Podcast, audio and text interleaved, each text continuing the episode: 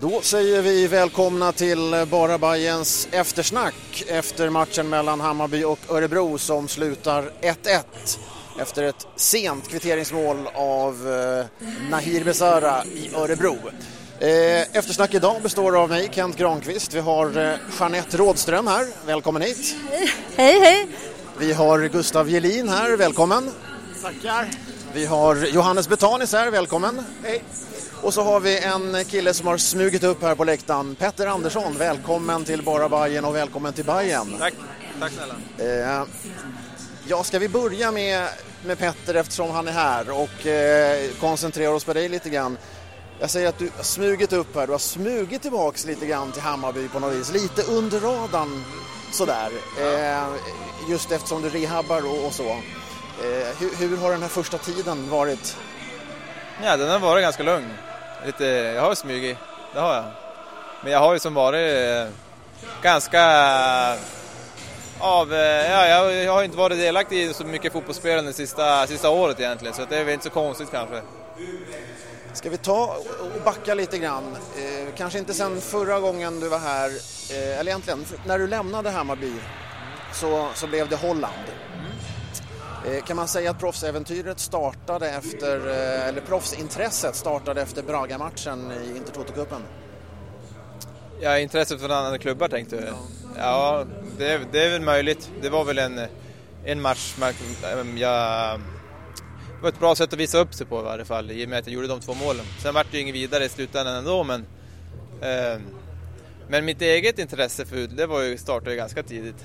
Men det är klart, 2006 så, hade jag, så var jag väl ganska inställd på att det, som, att det skulle hända något efter den säsongen. Men så gjorde jag illa mig då på sommaren. Så det var, eh, det var lite synd. Men det kom till sist, 2008. Så det var ofrånkomligt kändes det som. Eh, och sen blev det Holland och, och, eh, och, Danmark. Berätta lite grann om de här åren. Det är ändå ett antal år som, har, som du har vistats utomlands. Ja, det är åtta år som jag varit borta egentligen. Från, eh, från, eh, ja, från jag lämnade till jag kom tillbaka ganska precis. Men det är klart, ja, men fyra år i Holland. Fantastiskt. Eh, kortfattat så hade jag en, en fantastisk start. Jag tog väl med mig egentligen den formen jag hade i Hammarby till Holland och jag fortsatte egentligen bara att pika. Eh, tills det tog stopp då mot, eh, i, hemma mot Ajax så drog jag i korsbandet och menisk och allt möjligt. Eh, som höll mig borta i en period. Då. Eh, och sen åkte jag ytterligare en tillgång på korsbandet, men det orkar jag inte gå in på. Men jag var skadad i två år, så ska jag väl komma, komma fram till. Och det är klart, det var ju en, eh, det var en mörk period, det var jobbigt. Det var, det var som, under den perioden som många av mina jämnåriga u spelare och lagkamrater tog nästa steg vidare och jag var kvar i, i gymmet och kämpade med, med knäproblem och sådana saker. Så det är klart, det var... Eh, det var, det var några hårda år i Holland. Samtidigt så fick jag ju som komma tillbaka och vara kapten sista året och som uppleva, uppleva den biten. Det var ju häftigt i sig men jag, jag behövde komma bort och då blev det Danmark. Och i Danmark har jag haft en fantastisk tid. N när du var i Kroningen, visst var det så, eller hur? Hur länge var, gick det innan det, den första skadan verkligen hände? Du spelade ändå en säsong, eller var det? det Nej, jag spelade ett halvår kan man säga. Från september till... Nej, inte ens ett halvår. Jag spelade september, oktober, november. Och så sen drog jag korsbandet första matchen i januari när ligan vände. Jag vet nämligen, för jag har en god vän här som är, nu går på matcher här. Han är från Eindhoven och jag vet att PSV hade dig på radarn där när du tog steget till, till Kroningen. Alltså när en sån grej händer, man har kommit dit, man börjar, man börjar bra och så händer det som händer dig hur fan kommer man tillbaks från det mentalt? Man vet att man kanske, det kanske finns ännu större klubbar som ligger och lurar på en och avvaktar om man kan ta det där steget. Och så, som du säger där med U21 och alltihopa, andra sticker iväg och du får sitta på gymmet då. Hur, hur, går det att beskriva egentligen hur det är? Nej, inte... Eller ja, det är klart första skadan, den tycker jag ändå den var... Den var lättare att acceptera. Den var, ganska, den var liksom tvungen att acceptera. Det kändes som att den tog lite grann som det hör till fotbollen. Um, och, och, alltså jag hade en fantastisk drivkraft i den. Det var som ingen som, jag, jag tränade hur hårt som helst. Det var som, jag hade lite komplikationer med blodpropp i vaden och sånt där, lite infektion i knät. jag åkte ändå på, på några sådana bitar men det var som att jag skulle bara tillbaka. Men sen så drog jag det igen, samma knä, samma skada första matchen från start med reserverna.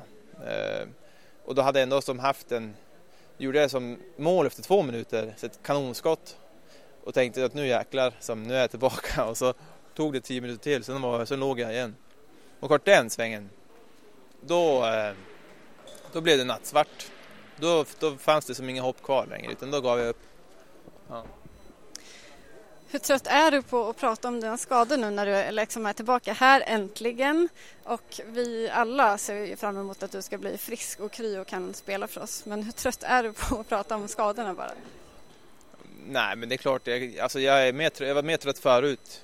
För då, då, kunde jag inte, då kunde jag inte hantera det. Nu har jag ändå som, eh, jag accepterar dem. Alltså jag kan inte göra något åt dem, utan de, de har ju samtidigt format mig som som person och fotbollsspelare sen. Alltså, så jag tycker ändå att de har ändå gett mig verktyg, framförallt mentalt, eh, som har gjort mig en, en mer komplett fotbollsspelare tycker jag själv då. Eh, men sen så självklart skulle man och, så, ja, och för att återgå till det så kan jag, det, går, det är ofrånkomligt, om man pratar med mig så är jag just nu också skadad så måste, man måste ju som prata om skadorna. Eh, så, men jag mår inte speciellt dåligt över det längre. Det ska jag säga. sen kom du vidare och så blev det Danmark. Och där har du ju, i Mittjylland har du ett jävligt bra rykte, eh, vad jag har hört. Och där var du med och tog titeln ju, eller hur? Visst var det så? Ja, vi, vi blev mästare där, mitt tredje år jag spelade. Um, och det kan man som, där hade vi ju, uh, uh, ja men vi, vi hade ett jobbigt första halvåret, där gick det inte alls bra. Då låg vi till kvalplats ner. Och sen, men sen vände det och från andra halvan första säsongen fram till vi blev mästare så, hade vi, så, så låg, vi i stort sett de som tog mest poäng hela vägen. Så det var en häftig resa att göra med, med Midtjylland. Stämmer det att Midtjylland hade ett upplägg som är lite det här eh, man gick på poäng och plockade ihop spelare på lite annorlunda sätt än kanske traditionellt andra klubbar. De har lite rykte om sig att de liksom tog in spelare som var bra på olika sätt. Ungefär som det här uh, baseball, nu tappar jag... Uh, Moneyball. Moneyball ja. Att de hade, körde den typen av teori fast applicerat på fotboll. Stämmer det? Vet, vet du någonting om det? Ja, det, det, det stämmer ju. Uh, sen huruvida de har i baseball, det vet, men de har åtminstone en ny ägare nu i Matthew Benham heter han, som även äger Brentford FC i, i Championship i England. Och han har ju ett bettingbolag som heter Smart Odds. Och det bolaget i sin tur har ju som är uppdelat i olika grupperingar och, och där en grupp bara tar fram statistik från alla världens ligor, alla världens, alltså som allt ska gå genom statistik. Så att, och I och med att han äger Midtjylland så har ju som Midtjylland varit ett projekt för han och en testmiljö och som hittar Ska de hitta en central mittfältare, ja men så tar de fram fem namn som passar in i statistiska systemet. Och så sen så får Midtjylland välja från dem då. Så att de har väldigt mycket statistik de går efter. Men den känslan när man då haft kanske en jobbig period i Holland och så är det ändå en annan klubb som tror på en och ger en ett kontrakt och så är man med och så tar man en titel där till och med. Hur, hur var känslan då om vi tar de, de grejerna istället för att hänga upp oss på den andra sidan av karriären?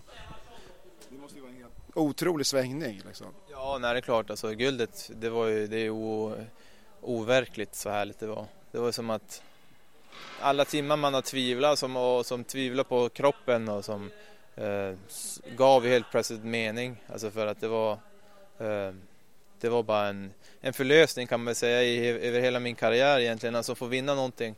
Jag har alltid sett mig som en vinnare. Eh, alltid varit väldigt som framstående i alla sporter jag hållit på med. Men just i fotboll vann jag, har aldrig, hade aldrig vunnit. Eh, Mest roligt för att man så fokuserar för mycket på sig själv och sin egen framgång istället för att som laget ska ha framgång. Så det, var, det, var en, det var en häftig grej faktiskt. Och det vill jag uppleva igen förstås. eh, du pratade om att du blev kapten i Holland. Det var du ju också i Midtjylland.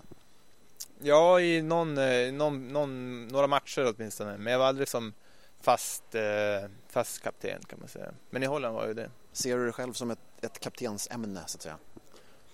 Ja, nej, men det tycker jag absolut. Men det är inget jag behöver utan jag kommer ändå som att Bindeln i sig skulle ju inte som förändra mitt sätt att vara på, på något sätt utan jag kommer ändå som att vara, vara mig själv och vara ja, men Petter utifrån den jag är.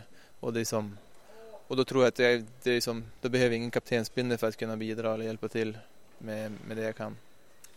Sen då från, eh, från Mittjylland tillbaks till Hammarby, hur, hur, hur gick det till? Ja, nej, det var också en lång process det är klart, jag hade ju... Jag spelade min sista match i september förra året i Europa League. Um, och fick väl egentligen reda där efter den matchen att det såg inte så bra ut i knät då. Så jag var tvungen att uh, antingen, antingen fortsätta spela på sprutor, vilket jag hade gjort ett tag. Um, eller som, ja, sluta eller ta det här, den här operationen som fanns möjligt i, i, i Schweiz. Ehm, är det klart, jag högg ju.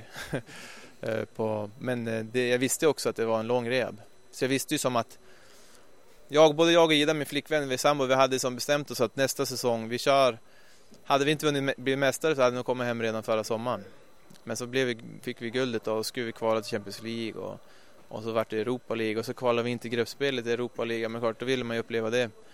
Så att, men vi var som inställda på att vi ska hem. Nästa steg det blir hem och det var eh, men som sagt när jag tog operation så visste jag att hela den här säsongen i Sverige den är borta. Eh, och det är klart det i sig gjorde ju att mitt förhandlingsläge gentemot Hammarby det var ju inte så himla bra. Utan jag har ju som... Jag har... Jag har visat att jag verkligen har velat komma hem. För det har, som, det har bara funnits Hammarby. Eh, annars, hade jag inte, alltså, annars hade jag inte spelat fotboll längre. Så det var självklart att det var Hammarby helt enkelt? Ja, det var det. Definitivt. Har du haft eh, kontinuerlig kontakt med Hammarby under hela, alla de här åtta åren? Liksom, har du haft återkommande kontakt med någon i klubben? Eh, nej, det har jag inte. Det var... Nej, nej det har jag inte. Det är klart jag har haft någon sporadisk kontakt sådär. Jag har haft någon lite kontakt sådär med Vompa och så, men inte någon från... från eh, det har ju bytts en hel del också i ledar, eh, på ledarbiten och uppe på kansliet också. Så det, men det har inte spelat någon roll ändå. Liksom, det har som inte, jag har som känt att jag har hemma med Hammarby. Så det, men du sa att det var, du hade kunnat komma hem redan förra sommaren. Vad, vad har det varit på gång någon gång tidigare? Att, var, var det liksom varit på väg? Övervägt överhuvudtaget? Nej, inte, ja övervägt men det var på gång. Eller förra sommaren så fick jag, så hörde, de, så hörde Mats av sig. Inte till mig men till, eh, till Björn då, som, Björn Runström som hjälpte mig. Eh, och som frågade hur det stod till och så, om jag var intresserad av att komma hem. Eh, men det var jag inte.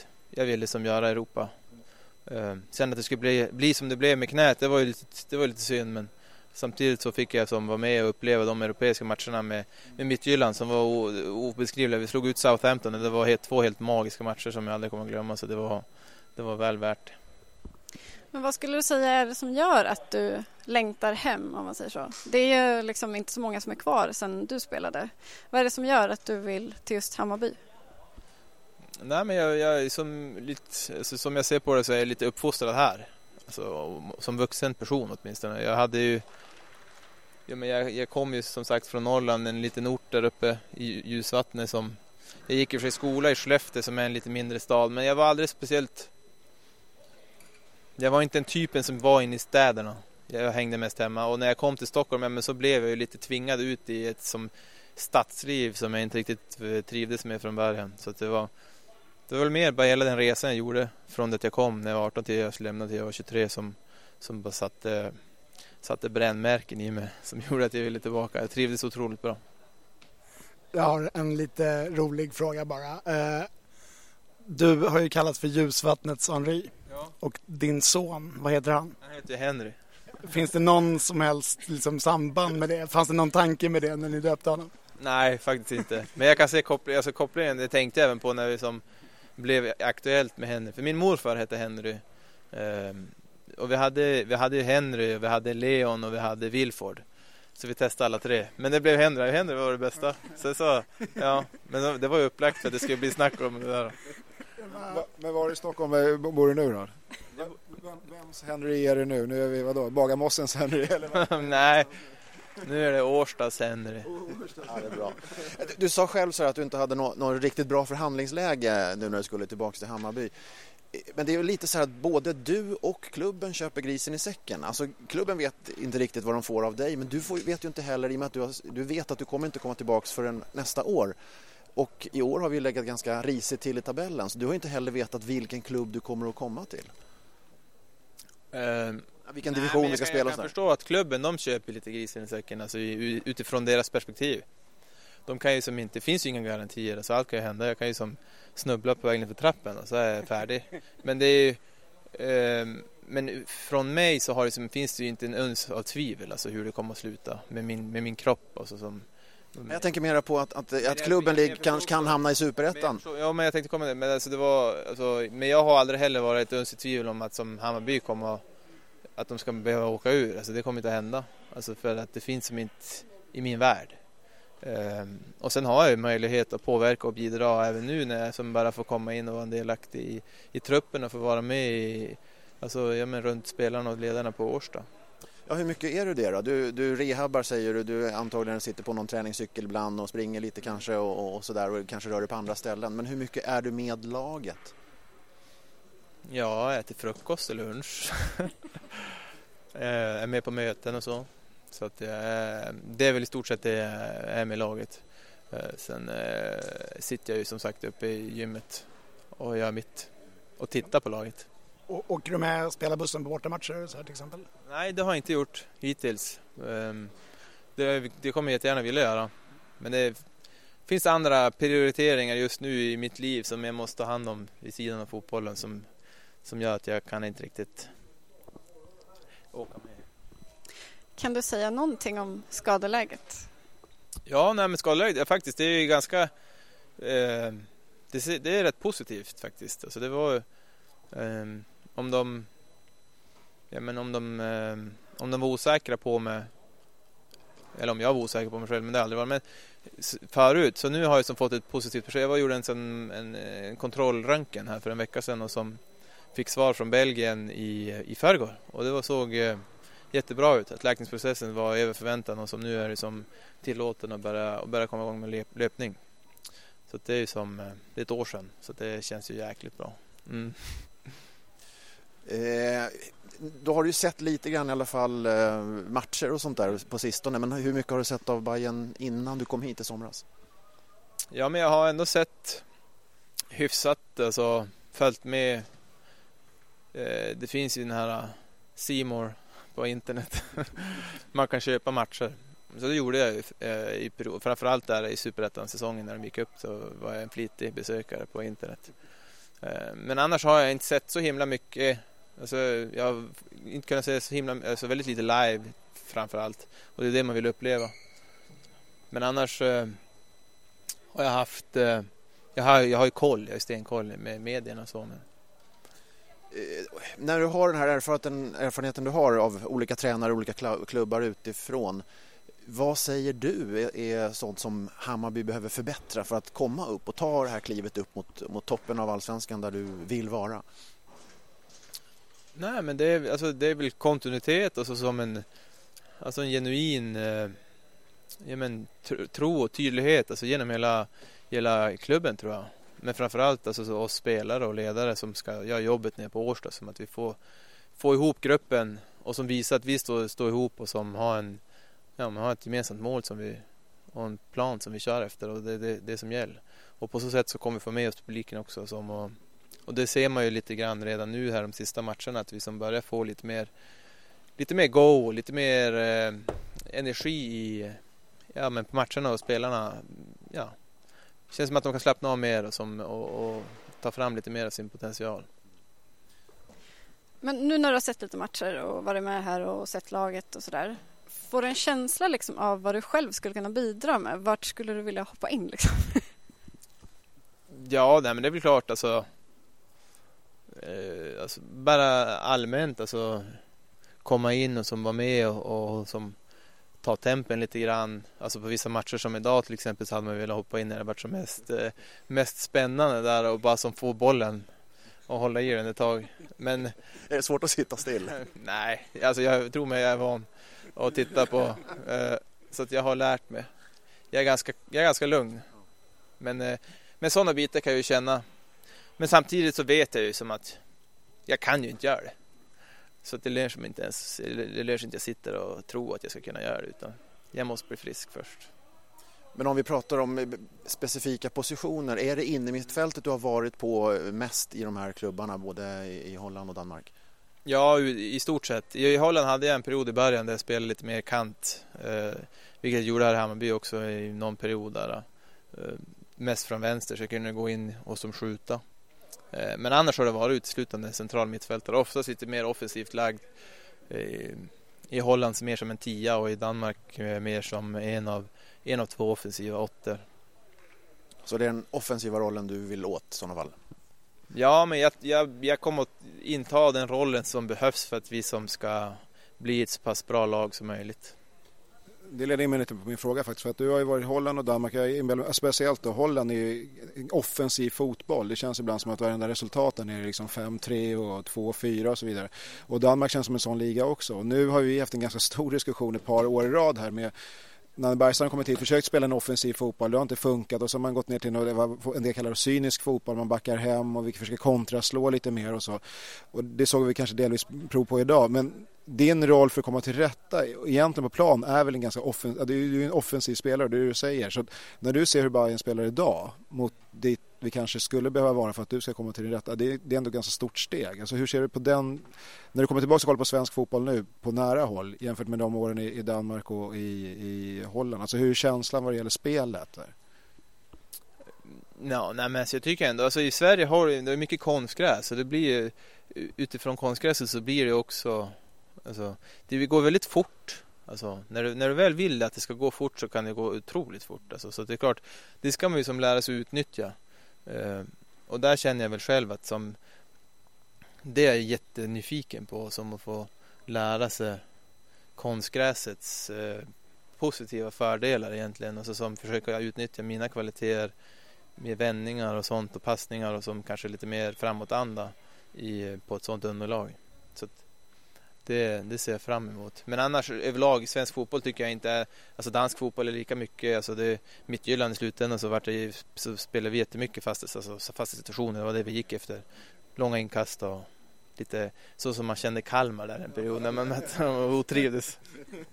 När du pratar om, om när, när, du pratar om eh, konstgräset så du kommer ju från de norra delarna av Sverige där det borde varit en del konstgräs för dig när du var yngre. Ja, mest grus hade jag. Ja.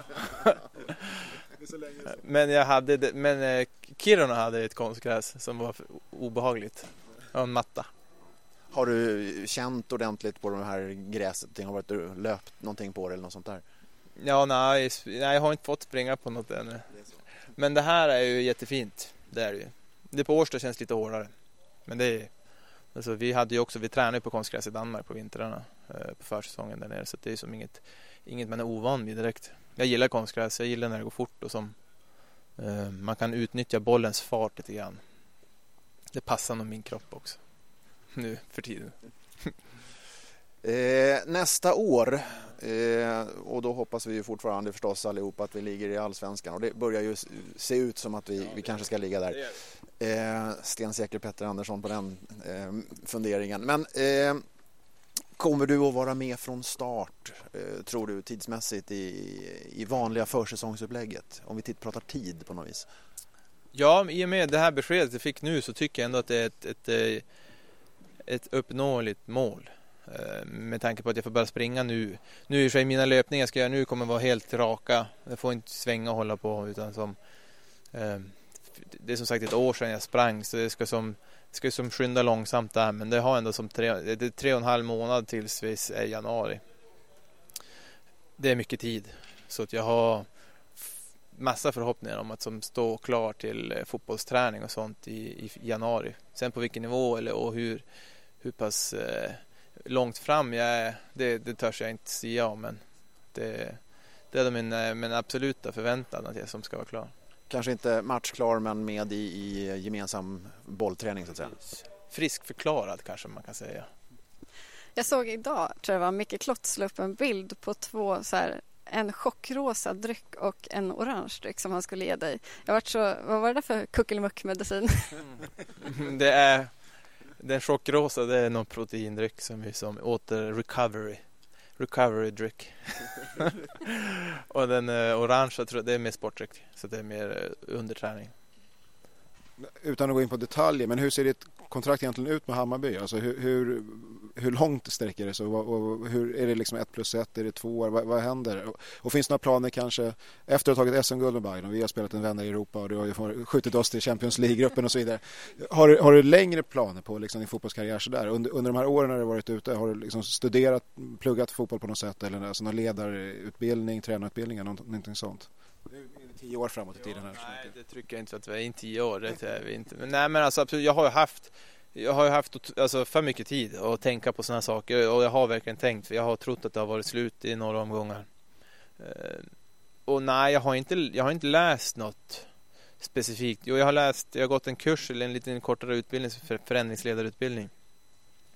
Eh, som i sin tur alltså, har, har öppnat upp eh, lite idéer och tankar om vad jag vill göra efter fotbollen. Så det, det har jag kommit en bit med och det, här, det är mest utifrån som det mentala perspektivet i fotbollsvärlden. Alltså som vad, på vilka sätt man egentligen som kan flytta sig genom att som vara mentalt förberedd och, och optimera sig den vägen i en lagsport som ändå fotboll är. Det är så lätt att glömma bort sig själv i alla andra antaganden man har när det kommer till taktik och sånt.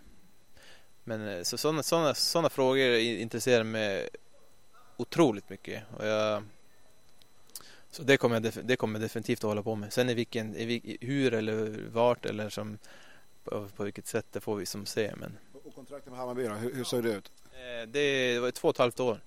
Ehm, så det är ju som ja, två år till här i vinter. Men det är klart, jag har ju som inga skulle det som eh, hända något eller som eh, så kommer jag inte att sitta här i två år till om det inte funkar med mitt knä. Så är det ju. Och det sådana såna frågor har vi som också dragit in i kontraktet så att det finns eh, eh, ja. Eh, men ni har inte pratat någon fortsättning just när du, du har inte sagt så här när ni, när ni skrev kontraktet. Dessutom vill att det står att jag ska fortsätta som ledare eller någonting. Något, något sånt finns inte alls diskuterat. Nej, och jag, jag ville inte även om jag absolut skulle som eh, kunna se mig själv alltså vara i Hammarby alltså i, även inte som fotbollsspelare så vill jag inte som gå in på sådana bitar nu för nu vill jag bara vara fotbollsspelare och som ja jag vill vara fotbollsspelare i två år till och sen är jag färdig och så får vi som se vad som vad som händer efter det. Spännande. Ska vi prata lite om dagens match här? Johannes eh, viskar här. Eh, 1-1 blev det till slut. Eh, massa ribb och stolpträffar genom matchen åt bägge, bägge håll. Mest Hammarby som träffar ribban. Eh, vad säger vi om matchen? Ska vi börja med, med Petter? Vad, vad har du för allmän åsikt om den här matchen? Otroligt svängig match. Eh, det var verkligen Hawaii. Det gick fram och tillbaka. Det var, som, det var väldigt få sekvenser som var som var strukturerade. kändes Det som det var väl kanske någon gång i första halvlek i början där som det var men annars svängde det väldigt mycket öppet, mycket eh, men ganska, ganska kul match ändå att följa. Som, är, som tyvärr slutade med att de, de lyckas kvittera i slutminuten på ett fantastiskt fint mål. Men det, men det är klart vi som inställningen och, och, och som prestationen är ju som inget att, att klaga över. Vad säger Jeanette om matchen? Jag var, ju, jag var faktiskt för en gång skulle ganska positiv innan. Det känns som att vi kommer från en bra svit liksom med lite vinster oavgjorda och var försiktigt positiv. Och jag tyckte att det såg bra ut. Första halvlek gick vi in med bra tempo. Liksom. Det kändes som att det satt vårt nya spel, eller man ska säga. Um, så att det känns ju snöpligt det här sista som i och för sig var ett fantastiskt fint mål av Besara. Lite trist att det var just han som fick sätta den men uh, ja, nej, det är surt känns det så här efteråt. Och han markerade ju tydligt att han inte ville fira det där målet. Det, det syntes jättetydligt. jag har inte så mycket mer att tillägga. Det, var, det kändes otroligt snöpligt. Det var... Eh, vi skulle vinna den här matchen med de... Vi har tre ribbträffar va? Och tycker vi känns ganska samlade i försvaret och det är liksom... Ja, det såg det såg ut som att vi gick mot en vinst ganska länge. Även liksom innan vi gjorde 1-0 så kändes det som att vi kommer ta hem den här matchen. Eh, därför blev det otroligt bittert med ett kvitteringsmål på stopptid. De hade ju ett stolpskott där, va? eller hur? ganska tidigt i matchen och då kan det ju bli en annan historia om inte omfanns och så vidare. Men när det är 5-6 minuter kvar tillägg då, då, måste man kunna döda den matchen och det känns som att vi har flera lägen, bland annat en hörna som Kennedy på någon vänster vill gå på avslut nästan va? i 93 minuten. Det känns lite, vad fan, spela kort och grisa och gör de här grejerna som gör att man bara dödar tiden. Eh, så att, där ska vi ha matchen. Sen om jag vet inte över hela matchen sett kanske tycker jag nog ändå att Örebro står väl upp mot oss. Jag tycker inte att vi, vi börjar väldigt bra men sen har de en period ganska mycket i första halvlek där de egentligen tar över ganska ordentligt och vi faller tillbaka. Och sen, men i och med målet som vi gör då, då, har vi initiativet och då ska vi liksom kunna döda dem. Vi har ju flera lägen efter det som gör att man tycker att vi skulle ha tagit hem den naturligtvis. Det är snöpligt som fan. Men vi fortsätter att ta poäng och det får man ju vara glad för jämfört med hur det såg ut tidigare år. Jag tycker man också märker att Axén är en otroligt bra matchcoach. Han, liksom, eh, han analyserar ju vårt första, vår första halvlek bra, kommer ut och lyckas ju få ifatt liksom vårt spel. Det är ju hans styrka. Han är otroligt vass där tycker jag. Så all heder åt honom. Men eh, där måste vi också kunna stå upp och se vad, vad de tänker och vad de gör och att vi kanske gör lite, något, något åt saken lite tidigare. Och som du säger Johannes, att, att man lyckas döda matcher för vi, vi ska inte liksom i 94 eller vad det var släppa in ett mål till där. Det ska vi inte göra. Och minst populär på arenan idag var killen i mitten. Det var mycket busvisslingar här. Ja, vem, vem var han? Magnus Lindgren? Jag har aldrig hört talas om honom förut. Han dömtas? Nej, från Göteborg. Från Göteborg va? Men har han, jag har aldrig hört namnet förut. Var det hans första allsvenska match eller? Du kommer aldrig höra det här namnet heller, det kan, det kan jag säga. Nej men ärligt talat, han, var väl, han gjorde ingen bra match. Och, det, och var det hans debut så var det ingen bra debut. Men det är, det är ju inte ändå där vi tappar poängen faktiskt. Det är väl någon situation möjligen med någon hand sådär. Samtidigt så tycker jag att några av våra killar är inte de som står upp mest heller när vi börjar närma oss straffområdet. Och under kan man ju, lägger man ihop ekvationen och Henrys frisparkar så förstår man kanske varför. Men han spelar bollen hela vägen och sen tar de här riktiga tacklingarna så blir det nog våra. Vi har fått straffar i år så vi kommer kunna få några till. Men inte på att vi slänger oss och håller på och larvar oss. Men okej, okay, domaren han, var usel men han avgjorde inte den här matchen. Vi skulle, vi ska ha tagit de här tre poängen ändå. Det, det tycker jag faktiskt. Men det, det är snöpligt. Det är så jävla snöpligt på slutet där. Hur lätt är det att eh, låta bli att skälla på domaren när man är på plan? Det är svårt. Det är mycket svårt. Men det har man också som, alltså egentligen, om man kan tänka så egentligen på plan, men det är inte alltid man kan det. Men så är det som att det, när han väl har blåst så är det det som är som gäller. Alltså, så är det som bara att rätta sig i ledet egentligen. Och all den energi du spenderar på han går ju miste någon annanstans. Så det är som helt meningslöst egentligen. Men det är, det är otroligt svårt. det Är det, ju. Det, är, det, är, det är verkligen någonting som, som eh, som det krävs lite inre kontroll för att som behärska sig.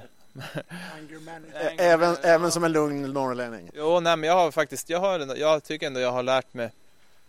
Jag har haft mina sågningar uh, under match. Jag kan bli ganska uppjagad. Men jag, jag, vet inte, jag har som jag vet inte vad som har hänt med mig. Jag tror att det är skadorna eller någonting. Jag har gått igenom någon slags inre resa som gör att jag orkar inte ens bry mig.